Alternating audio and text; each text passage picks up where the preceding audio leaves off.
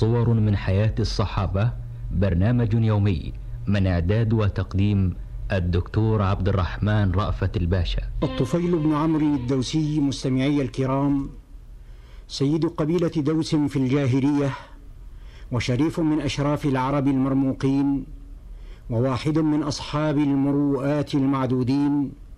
لا تنزل له قدر عن نار ولا يوصد له باب أمام طارق. يطعم الجائع ويؤمن الخائف ويجير المستجير. وهو إلى ذلك أديب أريب لبيب وشاعر مرهف الحس رقيق الشعور بصير بحلو البيان ومره تفعل فيه الكلمة فعل السحر. غادر الطفيل منازل قومه في تهامة متوجها إلى مكة ورح الصراع دائرة بين الرسول الكريم صلوات الله عليه وكفار قريش كل يريد أن يكسب لنفسه الأنصار ويجتذب لحزبه الأعوان فالرسول صلوات الله وسلامه عليه يدعو لربه وسلاحه الإيمان والحق. وكفار قريش يقاومون دعوته بكل سلاح ويصدون الناس عنه بكل وسيلة. ووجد الطفيل نفسه يدخل في هذه المعركة على غير أهبة ويخوض غمارها على غير قصد فهو لم يقدم إلى مكة لهذا الغرض ولا خطر له أمر محمد وقريش قبل ذلك على بال. ومن هنا كانت للطفيل بن عمرو الدوسي مع هذا الصراع حكاية لا تنسى فاستمع إليها مستمعي الكريم فإنها من غرائب القصص. حدث الطفيل قال قدمت مكة فما إن رآني سادة قريش حتى أقبلوا علي فرحبوا بي أكرم ترحيب وأنزلوني فيهم أعز منزل. ثم اجتمع إلي سادتهم وكبراؤهم وقالوا يا طفيل إنك قد قدمت بلادنا وهذا الرجل الذي يزعم أنه نبي قد أفسد أمرنا ومزق شملنا وشتت جماعتنا. ونحن إنما نخشى عليك وعلى زعامتك في قومك ما قد حل بنا.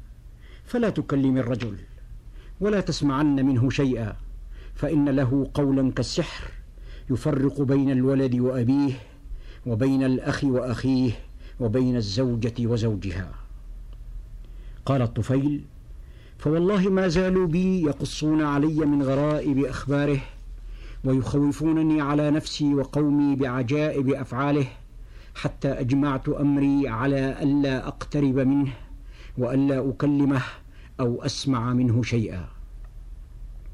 ولما غدوت إلى المسجد للطواف بالكعبة والتبرك بأصنامها التي كنا إليها نحج وإياها نعظم حشوت في أذني قطنا خوفا من أن يلامس سمعي شيء من قول محمد.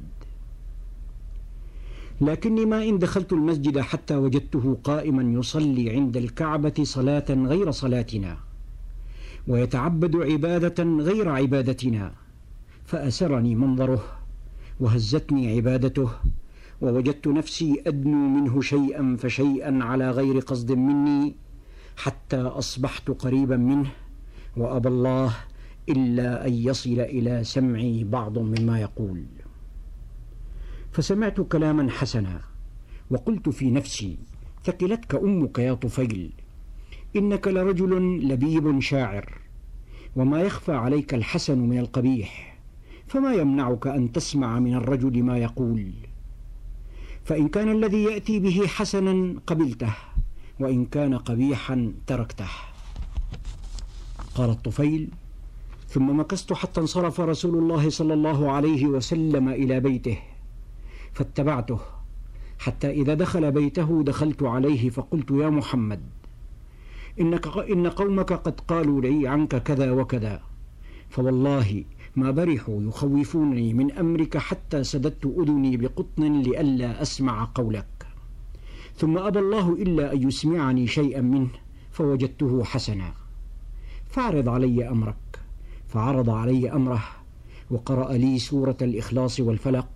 فوالله ما سمعت قولا أحسن من قوله ولا رأيت أمرا أعدل من أمره. عند ذلك بسطت يدي له وشهدت أن لا إله إلا الله وأن محمدا رسول الله ودخلت في الإسلام. وما إن علمت قريش بإسلام الطفيل حتى ثارت ثائرتها عليه وجعلت تنال منه كل منال فقال ألا أبلغ لديك بني لؤي على الشنآن والغضب المرد بأن الله رب الناس فرد تعالى جده عن كل ند وأن محمدا عبد رسول دليل هدى وموضح كل رشد وأن الله جل له بهاء وأعلى جده في كل جد. قال الطفيل ثم أقمت في مكة زمنا تعلمت فيه أمور الإسلام وحفظت فيه ما تيسر لي من القرآن.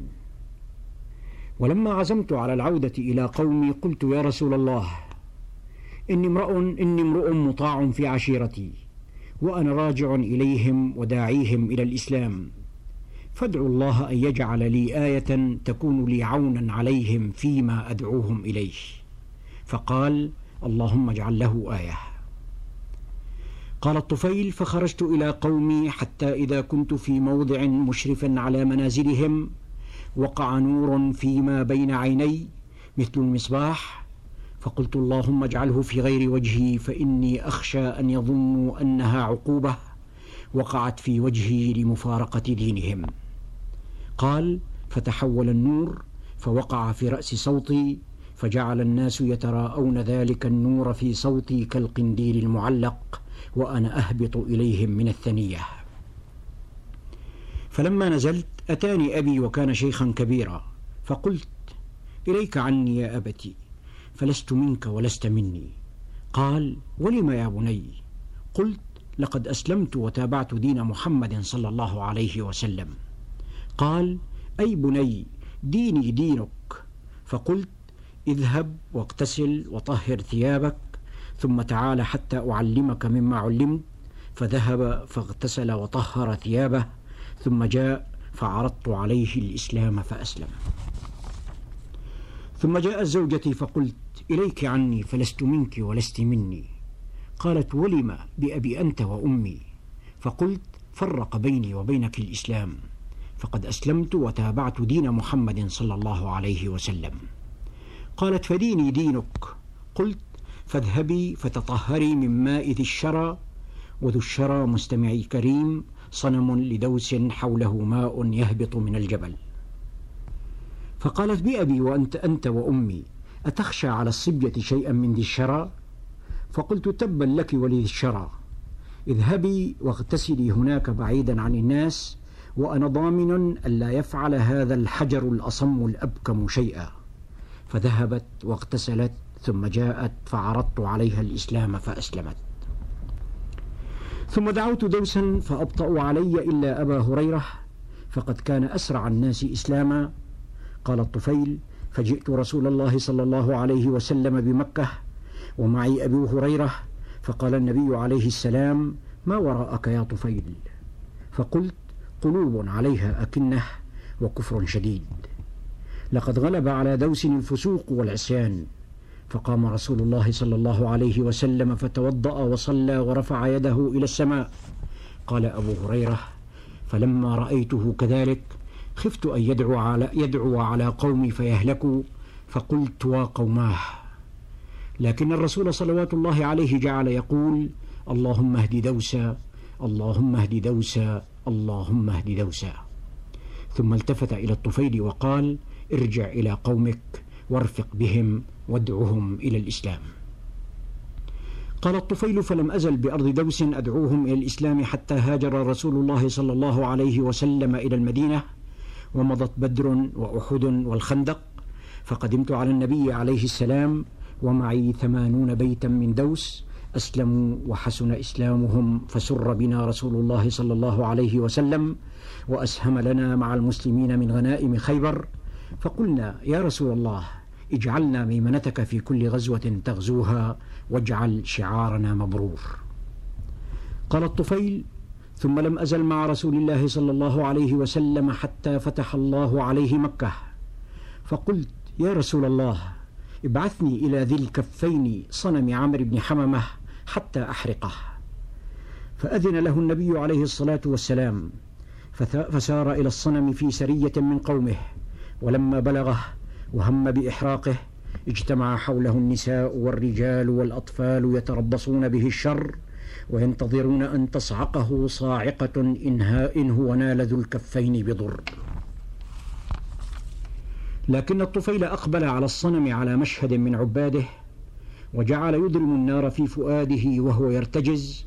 يا ذا الكفين لست من عبادك ميلادنا أقدم من ميلادك. إني حشوت النار في فؤادك. وما إن التهمت النار الصنم حتى التهمت معها ما تبقى من الشرك في قبيلة دوس فأسلم القوم جميعا وحسن إسلامهم إسلامهم. ظل الطفيل بن عمرو الدوسي بعد ذلك ملازما لرسول الله صلوات الله عليه حتى قبض النبي إلى جوار ربه ولما آلت الخلافة من بعده إلى صاحبه الصديق وضع الطفيل نفسه وسيفه وولده في طاعة خليفة رسول الله. ولما نشبت حروب الردة نفر الطفيل في طليعة الجيش المسلمين لحرب مسيلمة الكذاب الكذاب ومعه ابنه عمرو. وفيما هو في بعض طريقه إلى اليمامة رأى رؤيا فقال لأصحابه إني رأيت رؤيا فعبروها لي. فقالوا وما رأيت؟ قال رأيت أن رأسي قد حلق وأن طائرا خرج من فمي وأن امرأة أدخلتني في بطنها وأن ابني عمرا جعل يطلبني حثيثا لكنه حيل بيني وبينه فقالوا خيرا فقال أما أنا والله قد لقد أولتها. أما حلق رأسي فذلك أنه يقطع وأما الطائر الذي خرج من فمي فهو روحي. وأما المرأة التي أدخلتني في بطنها فهي الأرض تحفر لي فأدفن في جوفها وإني لأرجو أن أقتل شهيدا. وأما طلب ابني لي فهو يعني أنه يطلب الشهادة التي سأحظى بها إذا أذن الله لكنه يدركها فيما بعد. وفي معركة اليمامة أبلى الصحابي الجليل الطفيل بن عمرو الدوسي أعظم البلاء حتى خر صريعا شهيدا على أرض المعركة. وأما ابنه عمرو فما زال يقاتل حتى أثخنته الجراح وقطعت كفه اليمنى فعاد إلى المدينة مخلفا على أرض اليمامة أباه ويده. وفي خلافة عمر بن الخطاب دخل عمرو بن الطفيل عليه فأتي للفاروق بطعام والناس جلوس عنده فدعا القوم إلى طعامه فتنحى عمرو عنه. فقال له الفاروق ما لك؟ لعلك تأخرت عن الطعام خجلا من يدك. قال أجل يا أمير المؤمنين. قال والله لا أذوق هذا الطعام حتى تخلطه بيدك المقطوعة. والله ما في القوم أحد بعضه في الجنة إلا أنت يريد بذلك يده. ظل حلم الشهادة يراود عمرا منذ فارق أباه. فلما كانت معركة اليرموك بادر إليها عمرو مع المبادرين وما زال يقاتل حتى أدرك الشهادة التي مناه بها أبوه. رحم الله الطفيل بن عمرو الدوسي فهو الشهيد وأبو الشهيد.